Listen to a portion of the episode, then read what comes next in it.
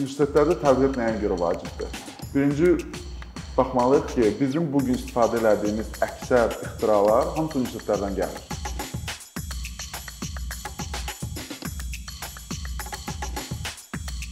İnnovasiyanın önəmli olduğu bir dövrdə yaşayırıq da. Bunu hamımız anlayırıq. Artıq qərarvericilər anlayırlar ki, keçmiş e, dövrdən qalmış bu düşüncə tərzi, resurslara daha çox fokus olunmaq səmərəli deyil artıq və Hı -hı. innovasiyalara, startaplara e, daha çox diqqət ayırmağa çalışırlar. Amma innovasiya və startaplar tədqiqatlardan asılıdır. Ümumiyyətlə elmi tədqiqat nədir? Bu necə həyata keçirilir? Buna kim cavabdehdir və kim qəyyumluq etməlidir? Buna bağlı bir məlumat verə bilərsən bizə? Əlbəttə. Ümumiyyətlə ABŞ-da elmi tədqiqatlar innovasiyaların əsasıdır. Yəni ABŞ-da deyə biləcəyimiz böyük ixtira ixtiraların əksəriyyəti təkcə ABŞ-da yox, ümumiyyətlə dünyada, amma xüsusən ABŞ-da çünki ABC-da innovasiyaların başlıca başlanğıc yeri patentlərin alınması məhz universitetlərlə bağlıdır.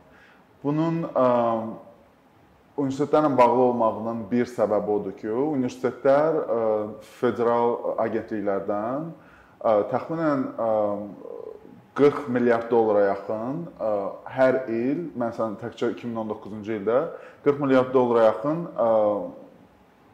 investisiya alırlar. Yəni federal agentliklər məhz universitetləri maliyyələşdirir ki, onlar elmi tədqiqatlar aparsınlar. Sual onsa ki, ümumiyyətlə elmi tədqiqat nədir və elmi tədqiqat nə cür innovasiya gətirib çıxarır? Elmi tədqiqatlar, yəni empirik üsulla, empirik o mənada ki, təcrübədən və sınaqlardan keçmək yolu ilə hansısa obyektiv kriteriya, hansısa obyektiv meyar və prinsiplərə əsasən fiziki, eləcə də qeyri-fiziki dünyanın öyrənilməsidir. Yəni empirik metod elmi tədqiqatın əsasıdır. Həmin empirik üsullar bir növ həm sosial elmlərdə, həm də təbiət elmlərində birbaşa olaraq elmi tədqiqatların aparılmasına bir növ vasitədir və həmin elmi tədqiqatların sonradan innovasiya çevrilməsi də patentləşdirmə, intellektual mülkiyyət və bu kimi hüququn yaranması və həmin hüququn bir növ qanunvericilikdə öz əksini tapmaq yolu ilə inkişafıdır. Bir məqam var ki, Məsələn, e, bayaq dediyim kimi 2019-cu ildə e, ABŞ universitetləri e, federal agentliklərdən, məsələn, bunlardan biri Milli Elm Fondudur. Milli Elm Fondu bəlkə də ən böyük federal agentlikdir ki, universitetlərə tədqiqatların aparılması üçün maliyyə verir.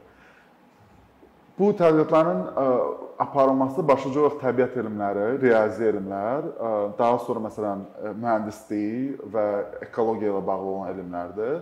Sonradan da sosial elmlər, tibb elmləri və bu, bu kimi sahələr başlıca olaraq maliyyələşdirilən sahələrdir.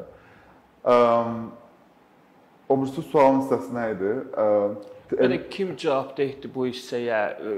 Kim onunla məşğul olmalıdır? Kim ona dəstək olmalıdır. Bu maraqlıdır. Yəni nəzərə alsaq ki, ümumi büdcəsi bütün elmi tədqiqatların, yəni buna deyirlər R&D, tədqiqat və tədqiqat və inkişaf, research and development, tədqiqat və inkişaf büdcəsi universitetlərin 83 milyard olub, məsələn 2019-cu ildə.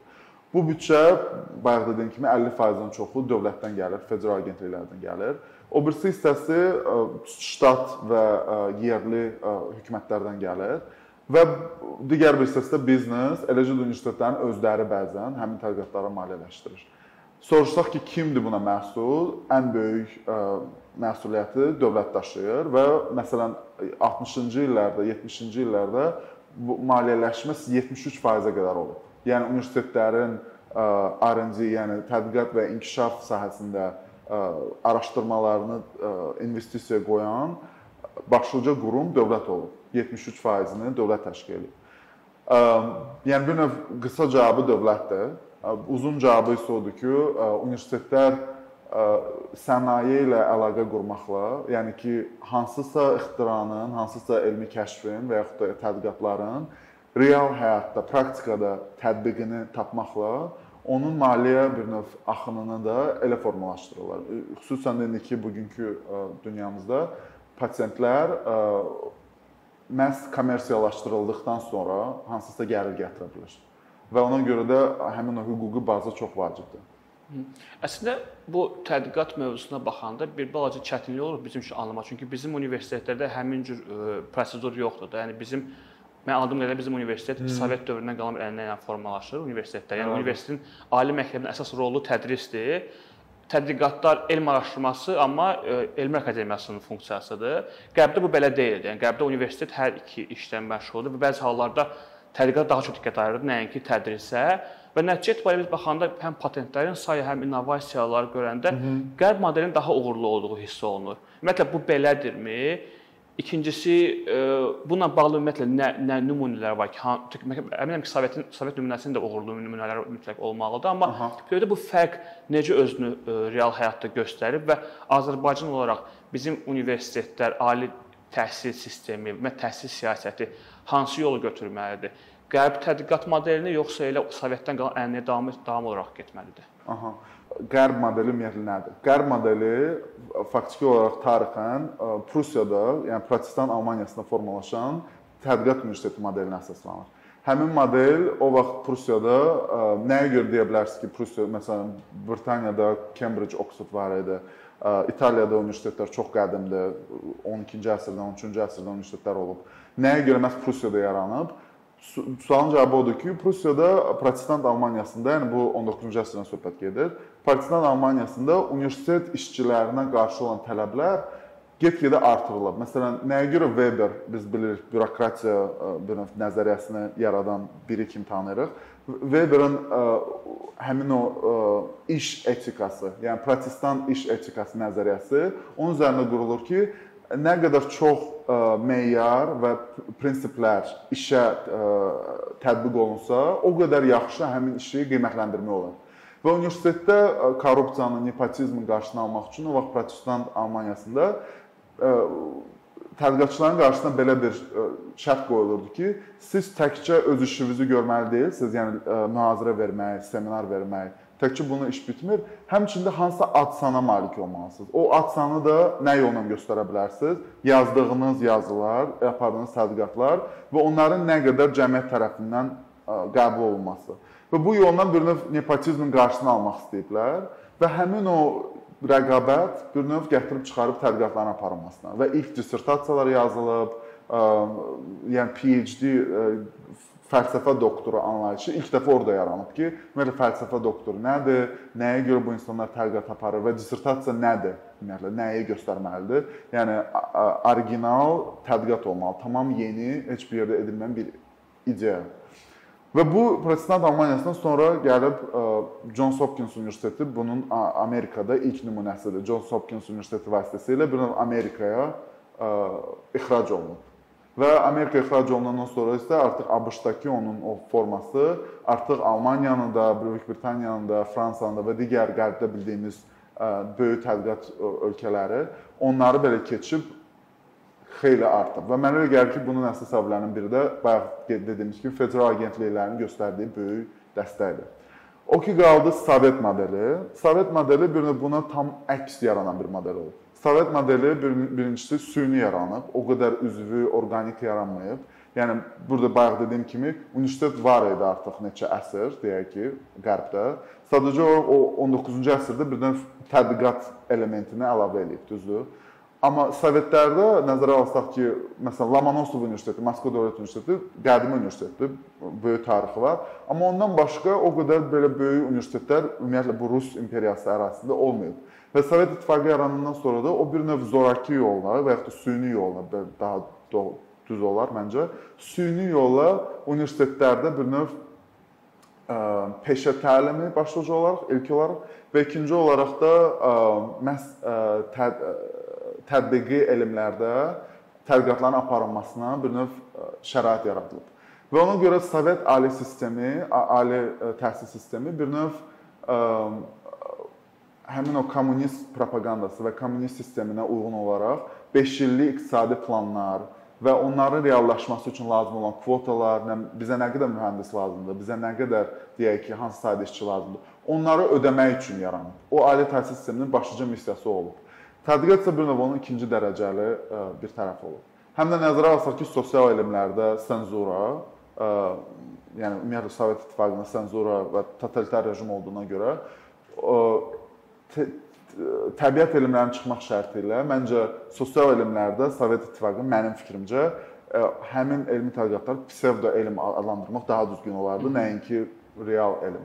Biz bilirik ki, hətta tibb elmləri sahəsidir, digər riyazi elmlər sahəsidir. O sahədə Sovet elmi böyük nailiyyətlərə səbəb olub və böyük uğurları var. Amma ki, sosial elmlərdə eyni şey demək çox çətindir. Və bir növ bu iki sistem artıq o bu mənə gəlir təsvirdən aydın olur ki, nəyə görə biri uğurludur, biri uğurlu deyil. Və Sovetlər dağılandan sonra da yerdə qalan sistem indi bir növ yavaş-yavaş o ə, tədqiqat universiteti anlayışını başa düşməyə və o bir növ onu Azərbaycanda və digər postsovet ölkələrində tətbiq etməyə indi-indi başlayırıq. O, o proses əlbəttə ki, uzun prosesdir. İndi nə cür çəkər, nə cür olar? Yaxşı ki, onu qeyd etdin. Mənə maraqlıdır ki, o 30 ildir müstəqillik artıq var da. Bütövlükdə bizim ölkədə, universitetdə aydın məsələdir ki, bu tədqiqatlar ə, həmin prosedurdan qərb proseduru ilə həyat keçirilmir, amma bizdə Elmlər Akademiyası fəaliyyət göstərir və başqa məncə qurumlar var. Ümumiyyətlə indiki real vəziyyət nədir elmi tədqiqatlarla bağlı?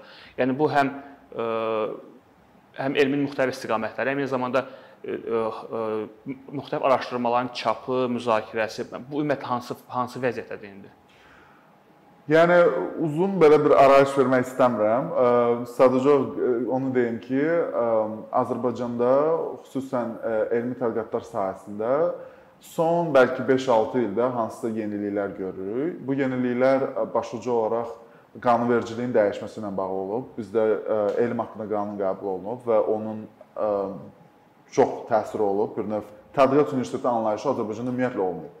Yəni tədqiqatlar olub universitetlərdə, amma bildiyimiz kimi Sovetdən qalma həmin o elm akademiyaları sistemi Azərbaycanda da davam etdirilir və başlıca o tədqiqatlar bu gün də, bu gün özü də böyük əksəriyyət olaraq elm akademiyası, elmlər akademiyasına aparılır.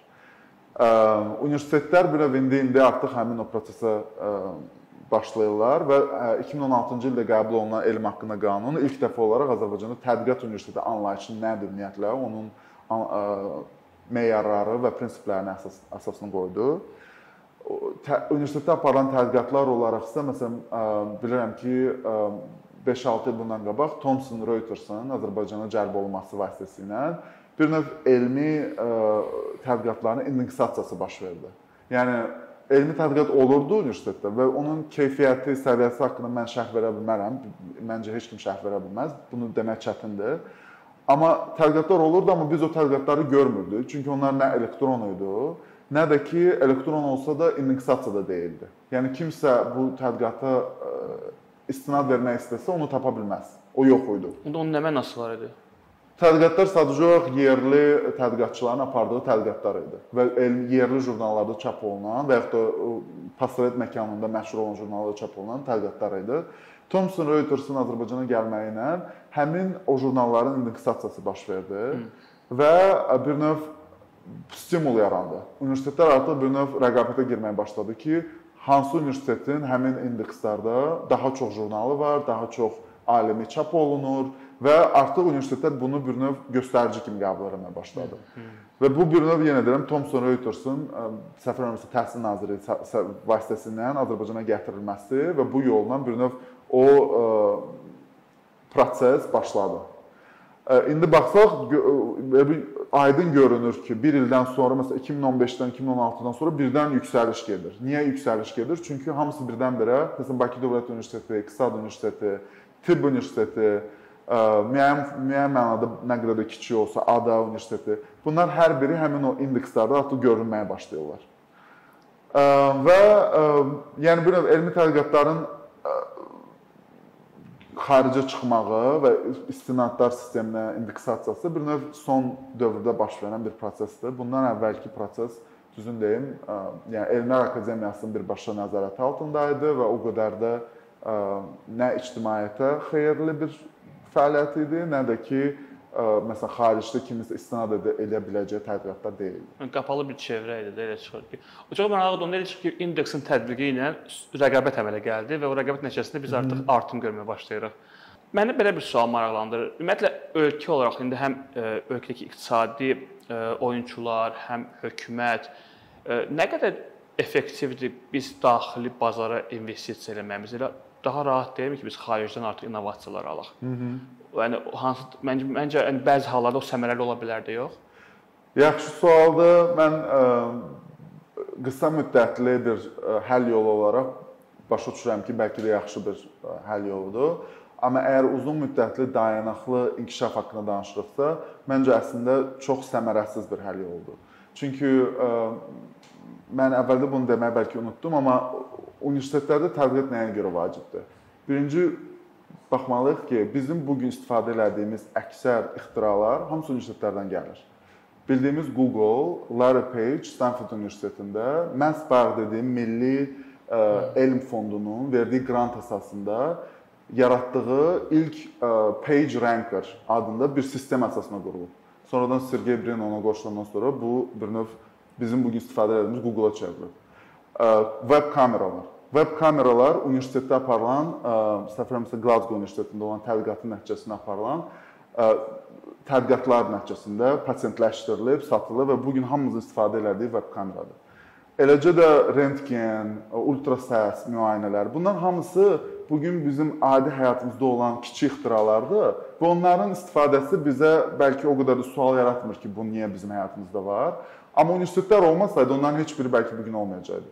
Və nəyə görə universitet mühiti vacibdir? Universitet mühiti ona görə vacibdir ki, universitet birincisi olaraq azad formada, yəni buna akademik azadlıq deyilir bəzən.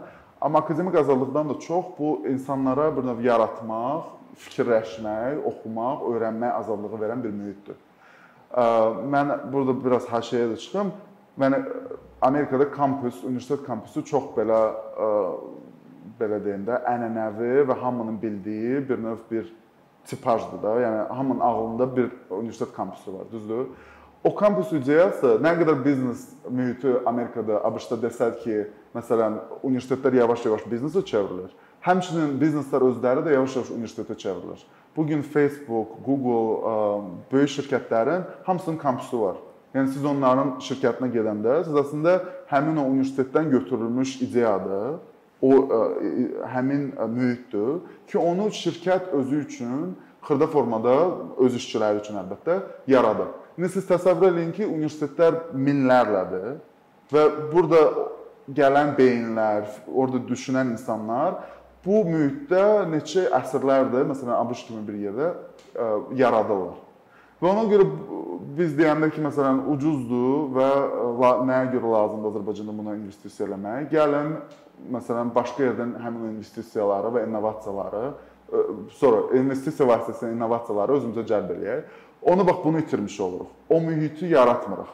Hal-hazırda Azərbaycanda o mühit çox dar və xırda formada bəzi yerlərdə var. E, məsələn, Xəzər Universitetinin nümunə gətirə bilərəm. Mən çox hörmət edirəm Hamlet Saxanlıya və onun yaratdığı mühitə. Xəzər Universiteti, eləcə də Ada Universiteti. Bunlar hamısı hansısa xırda, balaca belə bir adalardır özlərinə görə. Ada Universiteti xoşlayır özünə ada desin. Mən də xoşlayıram ondan istifadə edib deyirəm. Yəni ki, bu azad akademik mühit ə, e, yaradılmasa, həmin orada inkişaf da yoxdur. Əlbəttə ki, mən o böyük siyasi rejim kontekstini burada vurğulamıram. Çünki o daha böyük problemdir. Onu universitet həll edə bilməz. O öz-özünə cəmiyyət onu həll etməlidir ki, o universitet də düzgün innovasiyaların yaradılmasına gətirib çıxara bilsin. Ona görə uzun müddətli və dayanıqlı inkişaf istəyiriksə, biz buna investisiya eləməliyik. Ona görə də ə, məncə bunun üçün təkcə dövlət yox, ə, bunu bunun bunun iştirakı bu, bu prosesin yaradılmasına iştirak edən həmçinin də varlı insanlar, zəngin insanlar olmalıdır həmin o xeyriyyəçilər olmalıdır və onlar bu mühiti yavaş-yavaş yaratmalıdır. Əlbəttə onlara da dövlət imkan yaratmalıdır ki, o biraz hmm. bəzən problemlidir. Bu sən Google nümunəsini verdin. Mən Bill Gates nümunəsini verirəm ki, o məktəbli olanda onun bir dostu University of Washington Seattle-da işləyirdi. Orada ilk dəfə laboratoriya açmışlar, kompüter laboratoriyası və Aha. onu ora gətirirdi. Gecə-gündüz orada birlikdə işləyirdi və nəticə etibarilə onlar e, indi bir tanıdığımız Microsoft-u yaratmış oldular. Həmin o məhz o laboratoriya sayəsində. Əlbəttə. Əslində şirkətdən maraqlı mövzuya keçdim. Mənim innovasiyaların innovasiyaların tətbiqi ilə bağlı oxuduğum bir məqalədə maraqlı bir rəqəm göstərmişdilər ki, indiki rəqəmləri bilmirəm, amma uzun illər ərzində həm Facebook, həm Google, həm digər texnologiya şirkətləri təxminən 12% büdcələrini ayırırdılar həmin o research and development-da, yəni tədqiqat və inkişaf etdirmə sahəsinə. Yəni o artıq təbii ki, mütləq xərclənməli olan bir sahədir. Necə ki, marketinqə xərclənilir, eyni cürdə xərclənməlidir həmin sahə. Bu onlar üçün təbii ki, həyatda qalmağın vacib roludur. Amma gül, gülməli bəlkə də o, o idi ki, və yaxud da bəlkə də maraqlı tərəf o idi ki, Apple heç vaxt bu bunu 3-4%-dən yuxarı çıxmırdı. Hamıya maraqlı gəlir ki, necə olur ki, Apple belə az xərcləməklə faktiki olaraq ən innovativ şirkətlərdən biri hesab olunurdu. Steve Jobs-a bu sualı vermişdi. O, o maraqlı cavab verdi ki, deyir ki, bu innovasiya və tədqiqat yalnız bir departamentə həvalə ediləcək bir iş deyil bu düşüncə tərzidir. Yəni bütün şirkətdə düşüncə tərzi innovasiyaya meylli, yaradıcılığa meylli olmalıdır. Yəni bunun üzərində biz əgər bu tətbiq eləsək bütövlükdə təhsil sisteminə və cəmiyyətə, yəni olmazmı ki, biz həm də ə, məktəbdən artıq başlayıb, bəlkə də bağçadan bəlkə də uşaqların tədrisində məhz həmin o innovasiyaya meylli bir təhsil tətbiq eləyir. Məsələn, mən bilirəm ki, bizdəki indi məktəblərdə ə, hətta bağçalarda belə, yəni uşaqların yaradıcılığına çox böyük diqqət ayrılmır. Amerikada və ya digər qəbul ölkələrində e, bu yaradıcılığa, e, düşüncəyə, fantaziyaya çox böyük diqqət ayrılır. Çünki onlar düşünürlər ki, həmin uşağın böyük potensialı gələcəkdə onlar hansı yeni bir ixtira, e, ixtira ilə çıxış edə bilərlər. Yəni bundan bağlı nədir sənin fikrin? Yəni cəmiyyət olaraq biz inkişaf xəttimizi bu yola dəyişə bilərikmi? Çox yaxşı sualdır. Çox da bilsən vacib məsələdir. Çünki bir növ o mühit çox vacibdir. Yəni bayaq da dediyim o siyasi rejim bir növ onun bir hissəsidir də, düzdür?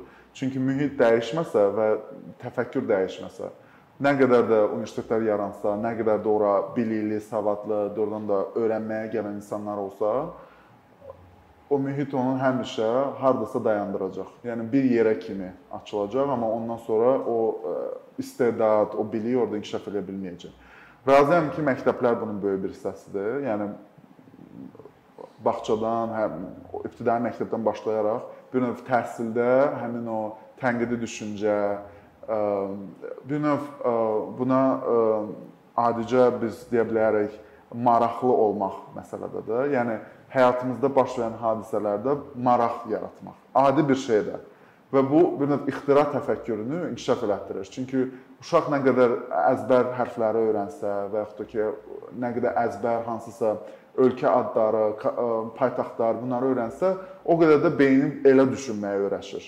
Amma nə qədər uşağa əksinə hansısa bir adi bir obyektə baxıb, hansısa bir adi oyuncağa baxıb onu necə qurmaq lazımdır? O onun içində nə var? Onu adi evdə olan şeylərlə necə qura bilərik? Bu kimi suallar verəndə artıq başqa cür təfəkkür formalaşdırmış olur. Bu yaradıcı təfəkkürdür və bir növ həmin o ixtira təfəkkürünü inkişaf etdirmiş olur. Bu çox vacibdir. Bunlar olmadan həmin o universitetin bir növ artıq 11 il keçmiş uşaqları dəyişmək şansı da çox azdır. Elə bu bu da əsas problemdir. Ona görə mühitlə razıyam, lakin hardansa başlamaq lazımdır. Steve Jobs yəqin ki, nəyisə bilirmiş onu deyib. Ona görə o mühiti gərək ki, biz təhsil sistemində, öz cəmiyyətimizdə və eləcə də universitetlərdə yavaş-yavaş yaradaq. Onda yaratmağa gəlmişkən, yəni əgər sənə sual versək ki, təcili və uzunmüddətli tədbirlər görülməlidir ölkədə bu sahədə sən hansıları sıralayardın? Təcili olaraq nə edilməlidir? Yəni bu an edilməlidir və tutaq ki, növbəti 5-10 il ərzində yavaş-yavaş edilməli olan addımlar nədir? Birinci təcili olaraq nə dəyişə bilər Azərbaycanda? Yəni qısa müddətli olaraq Azərbaycanda ali təhsil müəssisələrinin maliyyələşmə sistemi bir növ dəyişməlidir. Bugünkü sistem növ input üzərində qurulub. Input deyəndə biz yəni verilənləri nəzərdə tuturuq. Deyək ki, ali təhsil müəssisəsində 17 min nəfər tələbə təhsil alır, digərində 1000 nəfər təhsil alır və buna uyğun olaraq büdcənin formalaşması, orada çalışan insanların sayı nə qədərdir, əməkdaşların sayı nə qədərdir və bu inputlar və bu verilənlər bir növ dövlət büdcəsini formalaşdırır. İkinci bu yanaşma isə output yanaşmasıdır. Yəni büdcə həmin o inputlar əsasında yox, təhsil müəssisəsinin yaratdığı məhsullar və yaxud da ki, nəticələri nədirsə, onun əsasına formalaşır. Bu nə ola bilər? Məsələn, bayaq indeksasiyadan danışdıq.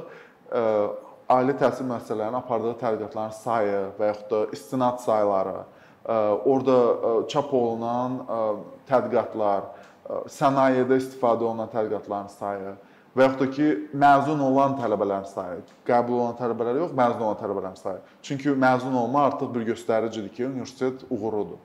Bu göstəricilər output formasında bir növ büdcənin formalaşmasına daxil edilir və hansı universitetdə bu göstəricilər yüksəkdirsə, həmin universitetlər daha çox bonus alır dövlət büdcəsindən. Həmin e, bonus bir növ ola bilər əlavə 10% və yaxud da ki, əlavə e, hansısa formada bir e, müəyyən olmuş bir məbləğ formasında dövlət büdcəsindən ayır, ayır, ayırd edilir və həmin müəssisənin büdcəsinə verilir. Bu yolla bir növ həmin o rəqabət sistemini maliyyə sistemi ilə əlaqələndirmək olar. Və əlaqələndirəndə də nə yaranır? Bir növ universitetlərin azad bazarda necə biznes iştirak eləyir, şirkətlər iştirak eləyir, eləcə də təhsil müəssisələri bir növ həmin o azad bazar, azad rəqabət prinsipinə fəaliyyət göstərməyə başlayırlar. İkinci bir hissəsi odur ki, yəni əgər baxsaq ki, innovasiyalar, tədqiqatların aparılması bir növ hal-hazırda Azərbaycan üçün biraz lüks bir məqamdır. Yəni bizim iqtisadi inkişafı nəzərə alsaq, bizim digər iqtisadi sosial problemlərimizi nəzərə alsaq, bir növ innovasiyalara investisiya o qədər də dövlətin prioritet məsələsi deyil bəlkə.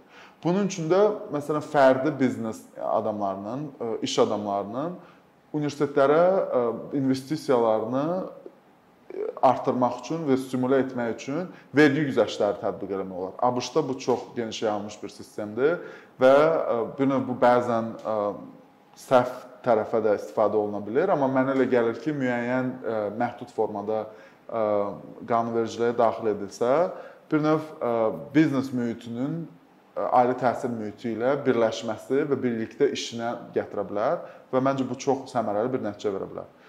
Uzun müddətli danışanda isə burada məncə əsas böyük problem odur ki, bizim Azərbaycanda tədqiqatların aparılmasının uzun bir yol xəritəsi yoxdur. Biz hansı modellərdən istifadə edirik? Bu ABŞ modelidir, Alman modelidir, Sinqapur modelidir, yoxsa məsələn Qatar modelidir? Qatarda da bu sahəyə böyük diqqət verilir və bu modellərdən hansısa xüsusiyyətləri götürüb bəlkə hansısa bir hibrid formada bir şey hazırlamaq olar və yaxud da ki, həmin o modellərin birini bir növ adaptasiya eləyib Azərbaycan reallığında onu icra eləmək olar. Bizdə bu yol xəritəsi hal-hazırda yoxdur. Yəni tədqiqat universiteti anlayışı qanunda qəbul olunub, amma o nə cür icra olunacaq və nə cür universitetlər bu prosesdə iştirak edəcək, bu bəlli deyil. Əslində hal-hazırda parlamentdə ali təhsil haqqında qanun haqqında müzakirələr gedir və mənə elə gəlir ki, o müzakirələrin bir hissəsi olaraq da universitetləri cəlb eləmək və Azərbaycanda tədqiqat universiteti modeli nədir və bu model nəyin əsasında formalaşır, onu müəyyən etmək vacibdir. Ki bu da uzun müddətli bir növ həll yoludur və ümid edirəm ki, gələcəkdə buna kimsə nə cürsə başlayıb bir bizim universitetlərin yol xəritəsini çəkə bilər. Abbas çox sağ ol vaxt ayırıb bizim müsahibəyə gəldin. Ümid edirik sənin növbət və biz danışanda bununla bağlı real bir yeniliklər və addımlar görəcəyik, onları təhlil edəcəyik. Təşəkkürlər sənə. Görərik. Çox sağ ol Vəqar.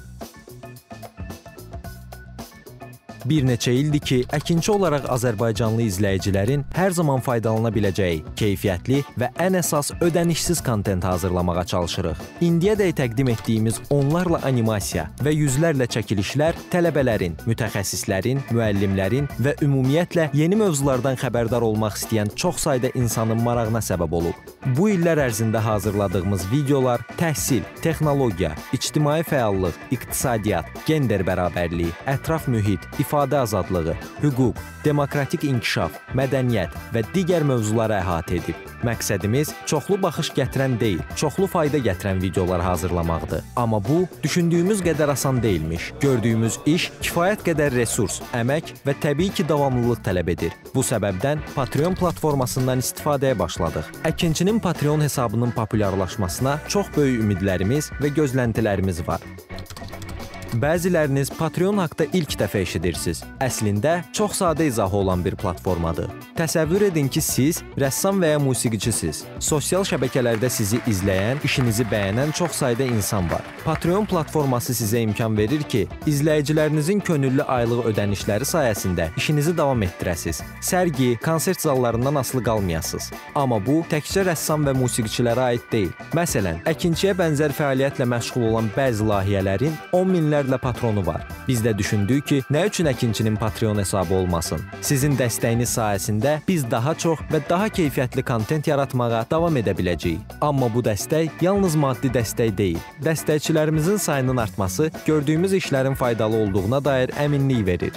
Patreon platformasından istifadə çox sadədir. Hesabınızı açırsınız, sizə uyğun dəstək növünü seçirsiniz və Patreon özü hər ayın ilk günü kartınızdan seçdiyiniz dəstək növünə uyğun ödəniş tutur. Bu qədər. Sonda onu demək istəyirik ki, dəstəkçilərin sırasına qoşulmaq istəyən, amma məhdud imkana görə bunu edə bilməyənlər narahat olmasın. Daha öncə dediyimiz kimi, bizim əsas məqsədimiz daha çox insanın hər zaman faydalana biləcəyi keyfiyyətli və ödənişsiz kontentin yaradılmasıdır. Bunun üçün mütləq patronumuz olmalısınız deyə məcburiyyət yoxdur. Amma imkanınız patron olmağa çatırsa və bizim işimizi bəyənirsinizsə, patronlarımızın sırasına qoşulmağınız bizim üçün çox önəmlidir.